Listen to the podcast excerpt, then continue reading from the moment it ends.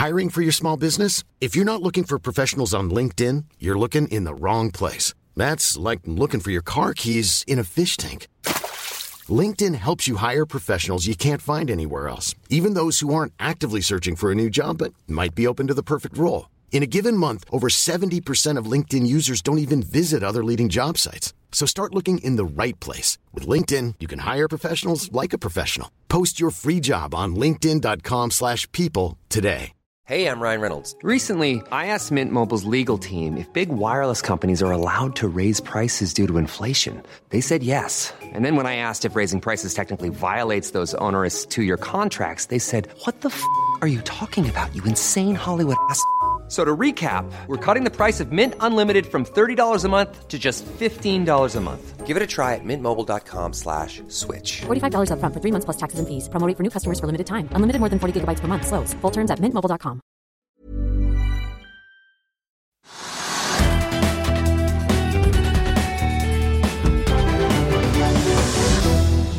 En riktig god fredag alle sammen, og velkommen til Økonominyhetene på denne gudskjelovdagen 17. november. Det er eh, snart helg, og på veien inn så skal vi gi deg en oppsummering av dagens viktigste saker og se på hva som preger nyhetsbildet på denne nest siste fredagen i måneden. Konkurransetilsynet vil stoppe Norwegians oppkjøp av videre, i hvert fall inntil videre, og konkurransedirektøren er med oss for å forklare hvorfor straks. Hafnia melder om et rekordutbytte, og vi har flere kvartalsrapporter eh, på bordet i dag. Aurora og Statoil er ute med sine. Alibaba har mistet 20 milliarder dollar i markedsverdi på nyhetene om at de dropper børsnoteringen av skytjenesten sin, og bilprodusenten Volvo faller 14 i dag på nyheten om at storaksjonæren Geely i Kina selger unna aksjer. Det ble også bilprat apropos Volvo mot slutten av sendingen. Men la oss begynne med å titte litt på markedet akkurat nå, for det har sett litt hyggeligere ut i dag enn det det gjorde i går. Da suste hovedindeksen på Oslo Børs ned 1,8% etter en, det vi vel kan kalle en skikkelig oljesmell, der oljeprisen dykket ned 5% til godt under 80 dollar fatet, uten at det var noen store store fundamentale nyheter som drev ned prisen. I dag er hovedindeksen på Oslo Børs opp rundt 07-08 til 1292 poeng. Det betyr at vi fortsatt er under 1300, men hvis vi holder da dette nivået ut dagen, så ender vi da uken samlet sett opp 0,8 Nordsjøoljen har hentet seg litt inn i dag, opp 1,4% men fortsatt ikke mer enn 78 dollar og 50 cent. Den amerikanske lettoljen VTI ligger på 74. Og så får vi jo trøste oss med da, at den europeiske gassprisen holder stand midt på 40-tallet i euro per megawatt time, i hvert fall hvis vi titter da på desemberkontrakten for TTF i Nederland. I Asia i dag så har det vært litt eh, blandet. Nedgang særlig i de kinesiske markedene, noe opp i Japan. I Europa så har vi klart å samle oss rundt får vi si, en jevn oppgang jevnt over eh, feltet. Futures på Wall Street er litt sprikende nå to timer før åpning, etter at vi så da to og tre indekser stige der i går. Det var, det var da Dow Jones som endte noe ned. Jeg nevnte Hafnia, produkttankrederiet er opp rundt 2 i dag etter deres tall. Resultatene er noe ned fra andre kvartal, men ratene er også ganske mye ned da fra i fjor. Nå ned til rundt 29 000 eh, dollar per dag målt på TCE-basis, mot 36 på denne tiden i fjor. Men resultatene de slapp i dag var litt bedre enn ventet. Utbyttet ender på litt over 20 dollar cent aksjen. Eh, når Hafnia nå jekker opp utbyttegraden til 70% av resultatet etter skatt. Ledelsen sier at utsiktene for eh, den historisk sett av sterke vintersesongen er veldig positive, og det jobbes også mot å bli børsnotert i USA USA i tillegg til Oslo. Ikke ulikt det vi eh, så BVLPG snakke om da de var på besøk i Børsmorgen her i går. Så langt i år er Hafnia opp 42% eller da 67% med utbytte. Ser vi på historikken de siste tre årene, så er tallet 520% oppgang med utbytte. Relativt svimlende tall. Norsk Hydro stiger også litt i dag, par 3 De åpnet jo i går kveld et anlegg for resirkulering av aluminium i Michigan i USA, der de har investert 150 millioner dollar. Anlegget skal produsere 120 000 tonn resirkulert aluminium hvert år, som jo er en viktig del av Hydros eh, strategi. Etter at Norwegian i sommer stilte opp eh, sammen med Widerøe-ledelsen for å fortelle om at de to hadde funnet tonen og nå ville slå seg sammen, så sa Konkurransetilsynet fra 15.9 om at de ikke kunne gi klarsignal til det uten videre. Og I dag så var det en ny frist, og det ble en stopp, i hvert fall inntil videre, kan vi vel si. Norwegian-aksjen startet ned litt over 3 i dag, men har hentet seg noe inn. Og dere i Konkurransetilsynet har vel da kan vel si sagt et foreløpig nei. Konkurransedirektør Stina Søreide med oss fra Bergen. Ja, Vi får understreke at det er foreløpig vurdering, fordi eh, endelig konklusjon kommer ikke før 3.1.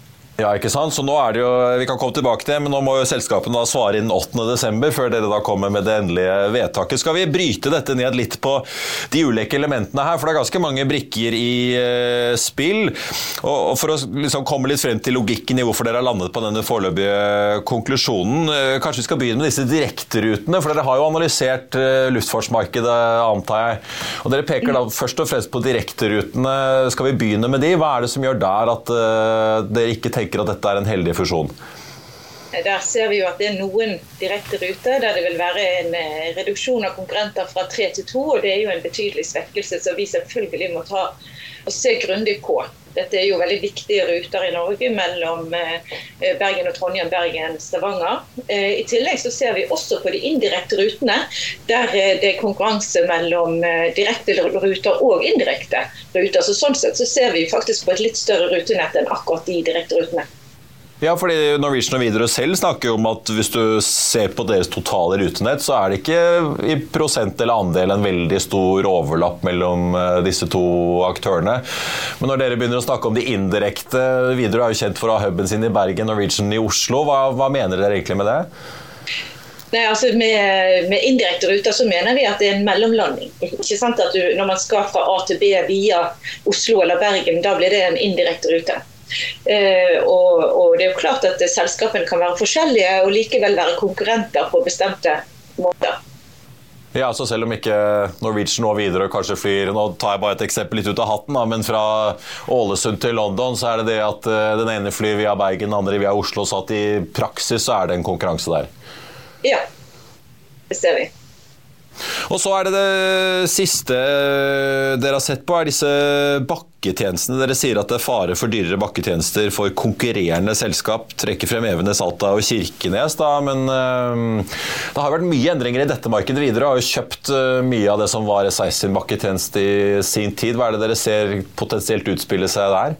Ja, Når det gjelder bakketjenesten, så ser vi jo at, uh, at der vil det være tre flyplasser der Eh, eh, Norwegian vil få kontroll på en sånn måte at det er risiko for at prisene på de tjenestene blir høyere for konkurrerende aktører. Eh, så, det er det vi har knyttet den vurderingen til. Men forhold, når det gjelder ulike forhold vi ser på, så nevnte du det med rutene. Men vi har også inne det med koordinerte virkninger. Det er som en litt annet aspekt.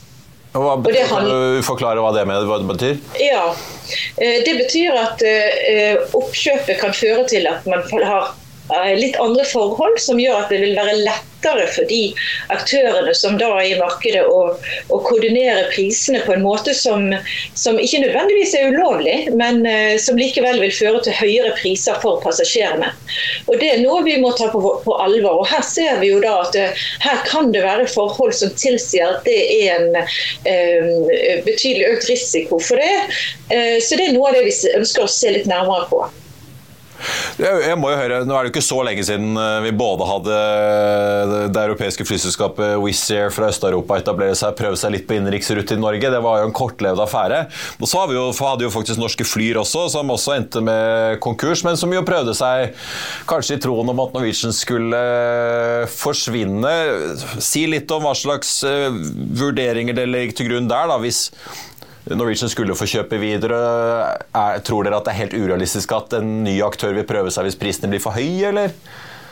Ja, så Det du er inne på med etableringshindringer er selvfølgelig viktig i, vår, i våre analyser. Og, og, det vi ser er at det er ganske liten grunn til å forvente at det vil komme nye aktører inn og, og, Det understreker jo eh, betydningen av at vi gjør en grundig vurdering her. For hvis, hvis man kommer i en situasjon der det er, blir, en, blir, høyere priser for forbrukere, så vil det ikke være samme utfordring. For, eller det vil ikke være utfordrere. De vil nærmest bli beskyttet litt. De kan få priser på eh, uten at det kommer nye, med mindre prisen blir veldig høy og det gjør det ekstra attraktivt.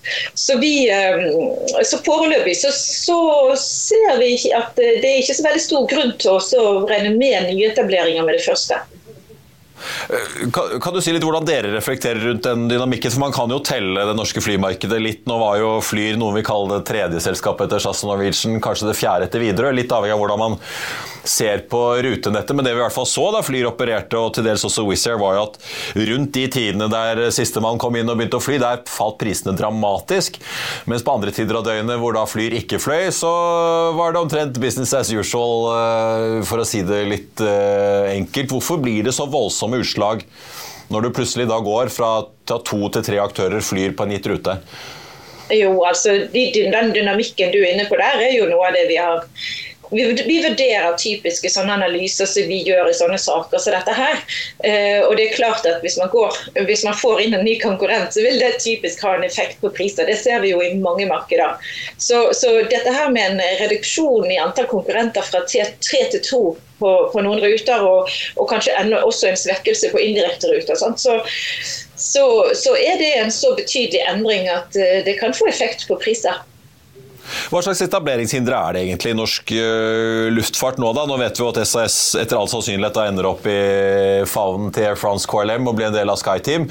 Uh, så da har vel ikke KLM et voldsomt behov for å begynne å fly så veldig mye uh, til Norge utover det de har gjort eventuelt. Men hvis et nå da Lufthansa eller Ryanair eller noen andre skulle ønske å komme inn som europeisk aktør, hvor enkelt er det å begynne å fly innenriks i Norge egentlig? Altså, Jeg kan ikke helt sette meg inn i det perspektivet fra potensielt eh, på, eh, hva utenlandske aktører vil, hvordan de ser på det.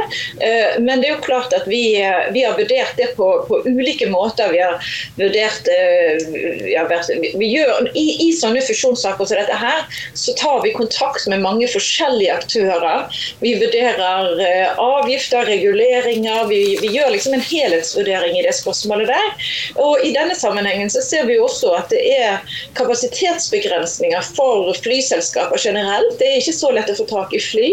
sånn at skal noen eh, flytte flyene til Norge, så må de gjerne ta det fra noen andre ruter. Og, og sånn som bildet ser ut nå, så har eh, så foreløpig Nå får vi nå si, understreke igjen at dette er foreløpige vurderinger.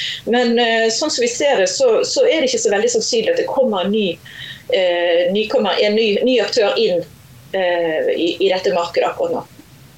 I sin tid så var det jo SAS som eide videre, og de to opererte jo ganske tett med felles bonusopptjening og det ene og det andre. Så solgte jo SAS eh, videre ut. da, Nå eies det jo en gruppe norske investorer, men eh, hva blir egentlig forskjellen da? Hvis det, det var sånn det var før, hvorfor kan det ikke da videre bare bytte eier til den andre store aktøren i norsk luftfart? Nei, dette her er jo, Den eh, vurderingen, den, nå, det vi ser på nå, er jo den situasjonen som er her og nå. Og det er jo sånn som du sier at det er mye dynamikk i dette markedet.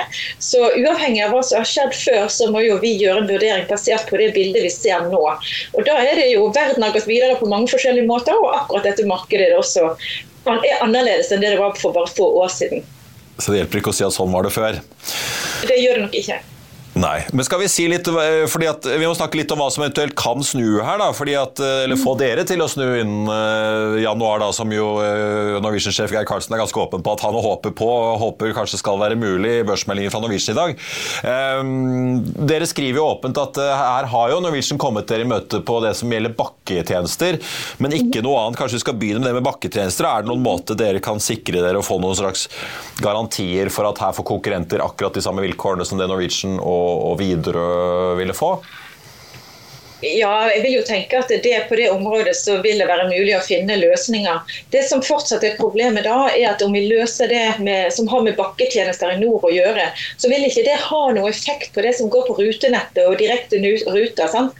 Sånn at de, eh, de, risikomomentene som jeg var inne på i forhold til både koordinerte virkninger og direkte og indirekte ruter, det vil jo ikke endre seg ved at vi løser de problemene med bakketjenester. Så Dermed så vil det være viktig å også vurdere hva kan gjøres på disse andre eh, rutene, eventuelt at vi, at vi, vurderer tingene annerledes. Så, så nå når, eh, når, vi har sendt dette begrunnede varselet til partene, eh, så, så vil jo vi regner jo vi med mer dialog med partene her, og at de eh, kommer med mm, innspill på f.eks. De kan snakke om effektivitetsgevinster, andre typer avhjelpende tiltak. Og Da vil jo vi se grundig på det og, og vurdere uh, vårt utgangspunkt i lys av det de, det de legger frem. Ja, men øh, Ja, så jeg, ja, for dette det, Har dere bedt om konkrete avbøtende tiltak på rutefronten, eller er det litt vanskelig gitt at formålet her er å gå fra to til én aktør som slår seg sammen implisitt? Ja, nå skal jeg ikke spekulere på hva som legges frem, men her er det sånn at det er partene sitt ansvar for å komme med forslag. Og når det, gjelder, når det gjelder avhjelpende tiltak, når det gjelder effektivitetsgevinster, som handler mer om hvorvidt det er store fordeler med denne oppkjøpet på en sånn måte at forbrukerne kanskje kan komme bedre ut, så vil partene måtte dokumentere det veldig godt. Og, det, og det kan jo, altså Der kan jeg heller ikke spekulere på hva som vil komme fra partene. Men er det, er det, dette med innenriksrutene som er enten de er direkte eller indirekte da, via Oslo eller Bergen med mellomlanding, som er eh, det mest essensielle her? For jeg tenker i hvert fall Hvis man ser på dette markedet litt over tid, så har man jo sett at f.eks. KLM har fløyet inn til Ålesund, og for så vidt Stavanger. Mm. BA Becheries har vel gjort det samme med en gang det blir litt vel gode marginer, virker det som, så, så, sender de noen fly oppover langs kysten her eller til andre norske byer ganske fort. Eh, er den sikkerhetsventilen der fortsatt Enten fra noen utenfor SkyTeam som British Airways eller Lufthansa, eller frykter dere at den vil forsvinne i dagens marked, litt som du snakker om, med lite fly tilgjengelig? og Altså, jeg kan ikke spekulere i, i, det sånn her og nå, men, men det som, eh, som, jeg kan si, er at det er sånn som du spurte om, de innenriksrutene vi har fokusert på nå. Eh, så i utgangspunktet når eh, vi så på, på, på saken, så var det jo et større bilde, og også utenlandsruter. Men, men nå er det det vi, vi har oppmerksomheten rettet mot det nasjonale, det som er innenriks. Ja, Så det er det det har kokt ned til egentlig, da, i praksis. Mm. Ja. Tina Søreide, konkurransehøyt, tusen takk for at du var med oss. Så får vi da uh, følge med. Men da er det kanskje stille helt frem til uh, starten av uh, januar, da? I denne ja, saken? Det, det, kanskje. Det, det, vil nok pågå en del dialog, men, men utad så kommer det ingenting før 3. januar, regner jeg med. Nei. Kan jeg bare til slutt eh, høre, nå har jo SAS har jo vært åpne på at de har kommet med høringsinnspill her, som er vel erkekonkurrenten til Norwegian. Men er det andre aktører som enten kunne tenke seg å drive innenriks i Norge eller komme inn i norsk luftfart, som dere har vært i kontakt med? Ja, nå kan jeg ikke kommentere alle vi har vært i kontakt med i denne sammenhengen her. Eh, så, så hvorvidt det er nyetableringer, det, det har vi som sagt ikke spesielt god grunn til å tro at det vil komme nye aktører inn akkurat nå, hvis det var det du spurte om. Ja, det var det jeg eh, tenkte, for det er vel det, sjansen for det er vel det mange vil følge med på, ja. Absolutt, mm. ja. Det ville jo vært bra, da. Ja, vi, får se, vi, får se, vi, får se, om noen vil prøve seg etter Erik Bråten og co. Eh, prøvde seg for ikke så lenge siden. Eh, Tina Sørede, konkurransejakt, takk for at du var med oss. Vi skal holde oss til Norwegian, for her er hva for ofte Jan Petter Sissenes av flyaksjer da han var gjest på Børsmorgen i morges. Velkommen. Tusen takk. Skal vi begynne skal, Kanskje Sitter du med Norwegian for tiden, forresten? Nei. Nei. Nei, vi har gitt opp flyindustrien, tror jeg. Ja, for godt. Nei, det vet jeg ikke. Men jeg syns konkurransebildet er veldig komplisert å se. Altså, SAS er jo i ferd med å bli en del av Air France KLM. Vil det, hvordan vil det påvirke konkurransesituasjonen? Man har jo ikke historisk tjent store penger på flyindustrien mindre holdt til de lavprisselskapene. Men altså, det er absolutt et selskap vi følger. for vi Sannsynligheten for at de blir det eneste norske flyselskapet, er jo absolutt til stede. Ja. Og da kommer de jo melke den norske konsumenten ganske godt. Ryanair skal begynne med utbytter, har de lovet. Og Norwegian sier de vil prøve det samme. Ja, Vi får se om den norske konsumenten har penger å bruke da, etter at politikerne er ferdig med dem. Ja. Men, uh, nei, det er en aksje vi følger nøye. Men nå skal vi snakke bil og se nærmere på en svensk bil som har fått mange av konkurrentene til å sperre opp øynene. Ikke pga. størrelsen, kanskje, men pga. prislappen og den lynraske pakken du får. Andreas Scheel har mer. Volvo er jo historisk mest kjent for å lage store biler, stasjonsvogner og SUV-er, men nå har de med Geely i ryggen utviklet den nye elbilen EX30. og Dette er en søstermodell til eh, bl.a. Seeker X og også den nye Smart 3. Men her har Volvo gått ned i størrelse. De har altså beveget seg litt ned fra det premium-segmentet de har eh, prøvd å holde seg i en del år. Men allikevel, her har de utviklet en elbil som kommer til å treffe det norske markedet veldig godt. Hvor kommer deg inn i bilen, så er dette på mange måter veldig typisk Volvo. Det er et eh, lekkert eh, design som er nytt, men du kjenner fortsatt igjen at det er en eh, Volvo. Vi har et helt nytt Google operativsystem som fungerer veldig bra på veldig mange måter. Interiøret er laget av bærekraftige materialer. Her har de brukt alt fra gamle olabukser til fiskegarn for å lage materialene i både seter og på dører og dashbordet overalt. Det er litt forskjellige kvaliteter på de fire forskjellige interiørtypene du kan velge, men eh, det er nok ikke det som kommer til å diskvalifisere bilen, og det er det heller ikke så mye annet som gjør. For denne bilen har jo priser fra 320 000 for den med lite batteri og opp mot 40 mils rekkevidde. Så har du en long range-versjon med bakhjulstrekk som koster rundt 400 og går 47 mil omtrent, mens dette er en firehjulstrekker med hele 428 hestekrefter, og den har en rekkevidde på 45 mil, så det bør holde for de aller fleste. Den har samtidig en akselerasjon fra 0 til 100 på 3,6 sekunder, så dette er den raskeste Volvoen noensinne. Og det sier litt om hva elbiler har å by på i dag, at for en relativt rimelig pris, så får du altså en bil som er raskere enn det Ferrarier og Porsche var for bare noen år siden. Så her er det egentlig bare å sjekke ut om dette er stort nok og bra nok og dekker ditt behov, for eh, mange kommer nok til å bli fornøyd med denne nye Volvoen.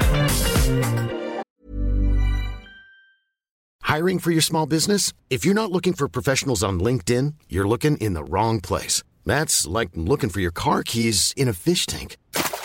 LinkedIn helps you hire professionals you can't find anywhere else, even those who aren't actively searching for a new job but might be open to the perfect role. In a given month, over 70% of LinkedIn users don't even visit other leading job sites. So start looking in the right place. With LinkedIn, you can hire professionals like a professional. Post your free job on linkedin.com/people slash people today.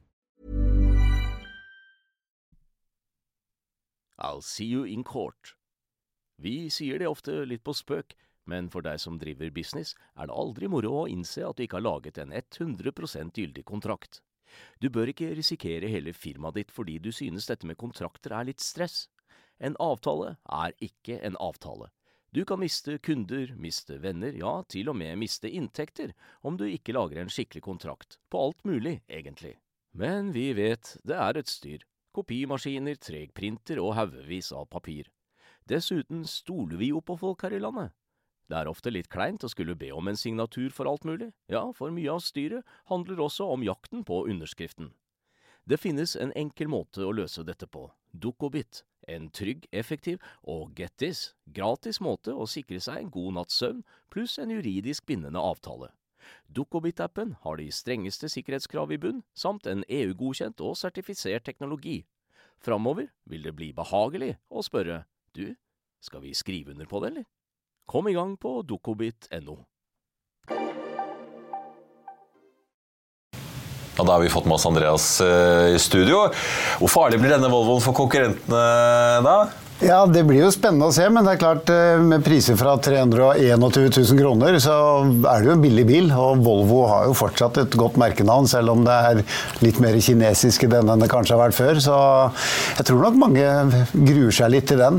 Er det den nye si, BMW I3 som var en favoritt blant mange nordmenn eh, i den tidlige elbilalderen? Det kan nok hende, for det er jo en mye større enn en I3. Det er jo en fullverdig bil, selv om den er liten i baksetet. Så er det en eh, bil som kan fungere som en nummer én-bil hvis du ikke har stor familie, selvfølgelig. Men uh, dette blir spennende å se. Jeg tror Volvo har store forventninger selv, og interessen har jo vært stor, så Jeg tror Du har jo kjørt den.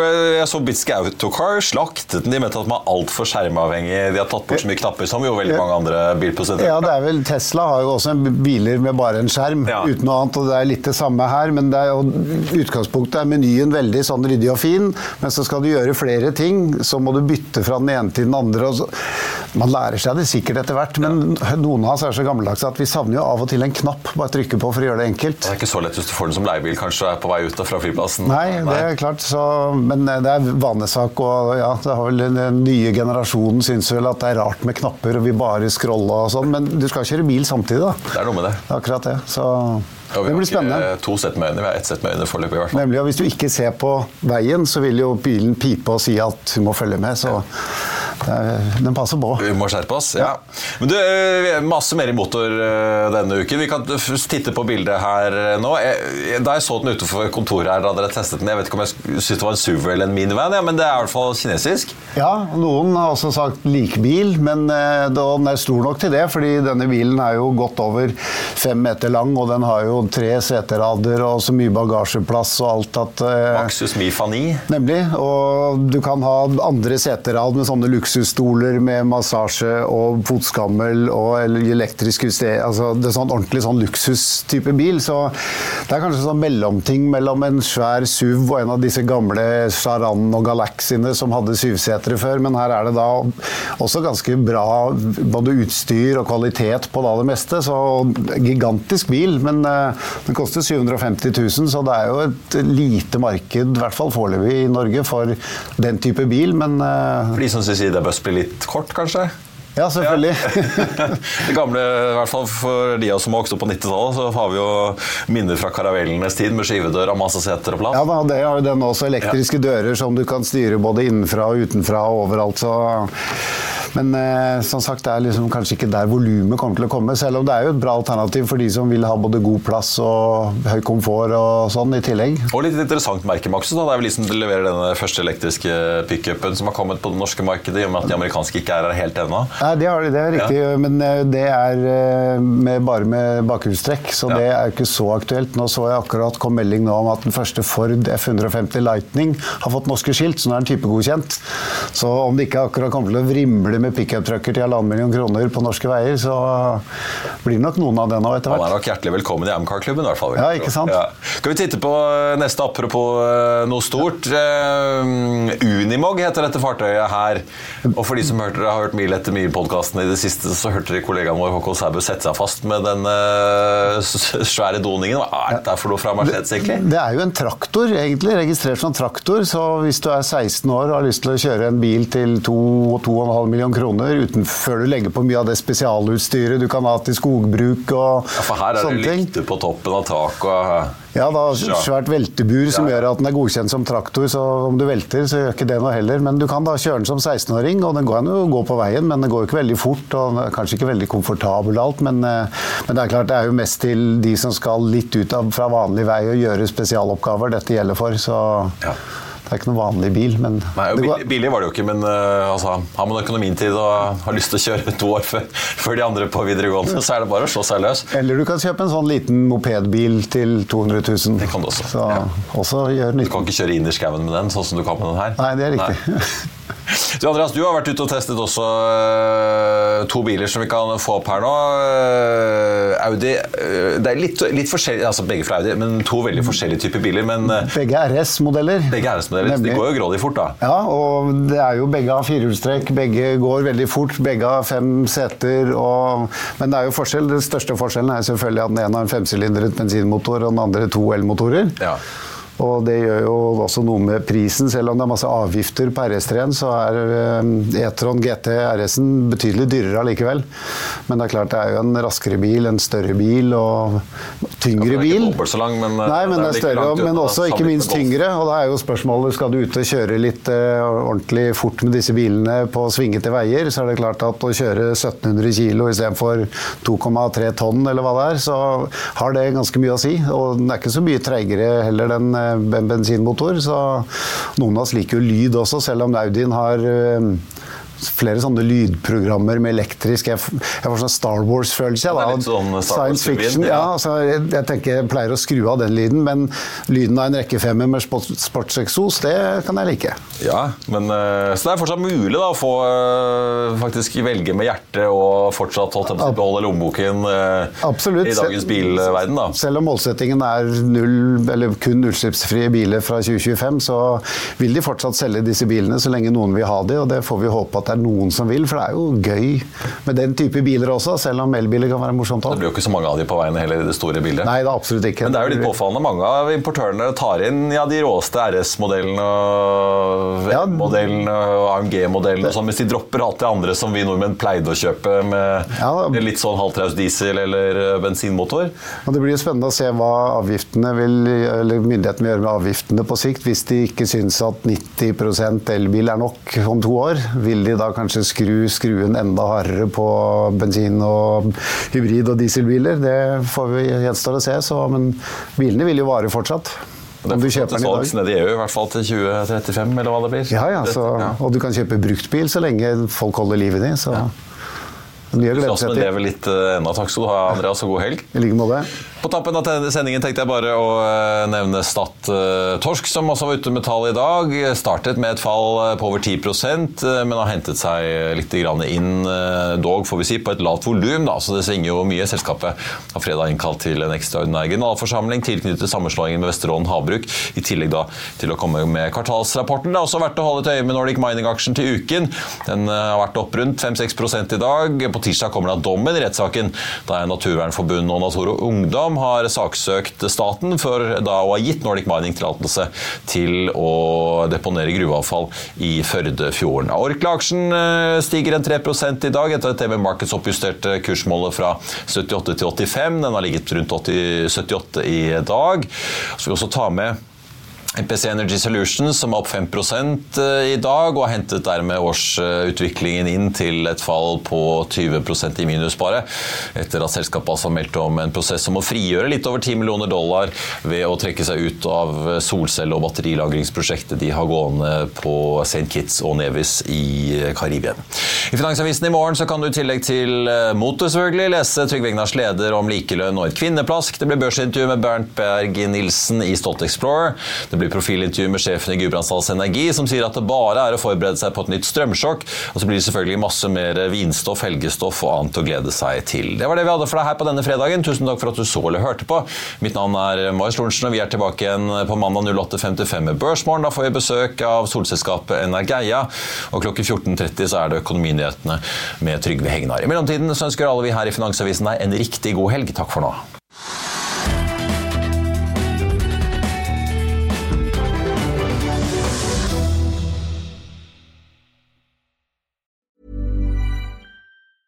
Prescription products require completion of an online medication consultation with an independent healthcare provider through the LifeMD platform and are only available if prescribed. Subscription required. Individual results may vary. Additional restrictions apply at lifemd.com. Read all warnings before using GLP 1s. Side effects may include a risk of thyroid C cell tumors. Do not use GLP 1s if you or your family have a history of thyroid cancer.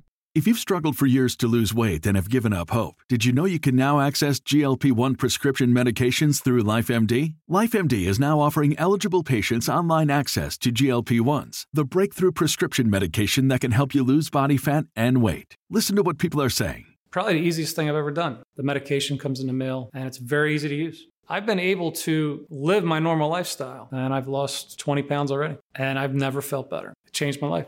And here's the best part your insurance may cover 100% of the cost of your medication. So go to trylifemd.com to have your eligibility checked right now. Get started today at trylifemd.com. That's T R Y L I F E M D.com. Økonominyhetene er en podkast fra Finansavisen. Programledere er Marius Lorentzen, Stein Ove Haugen og Benedikte Storm Bamvik. Produsenter er Lars Brenden Skram og Bashar Johar. Og ansvarlig redaktør er Trygve Hegnar.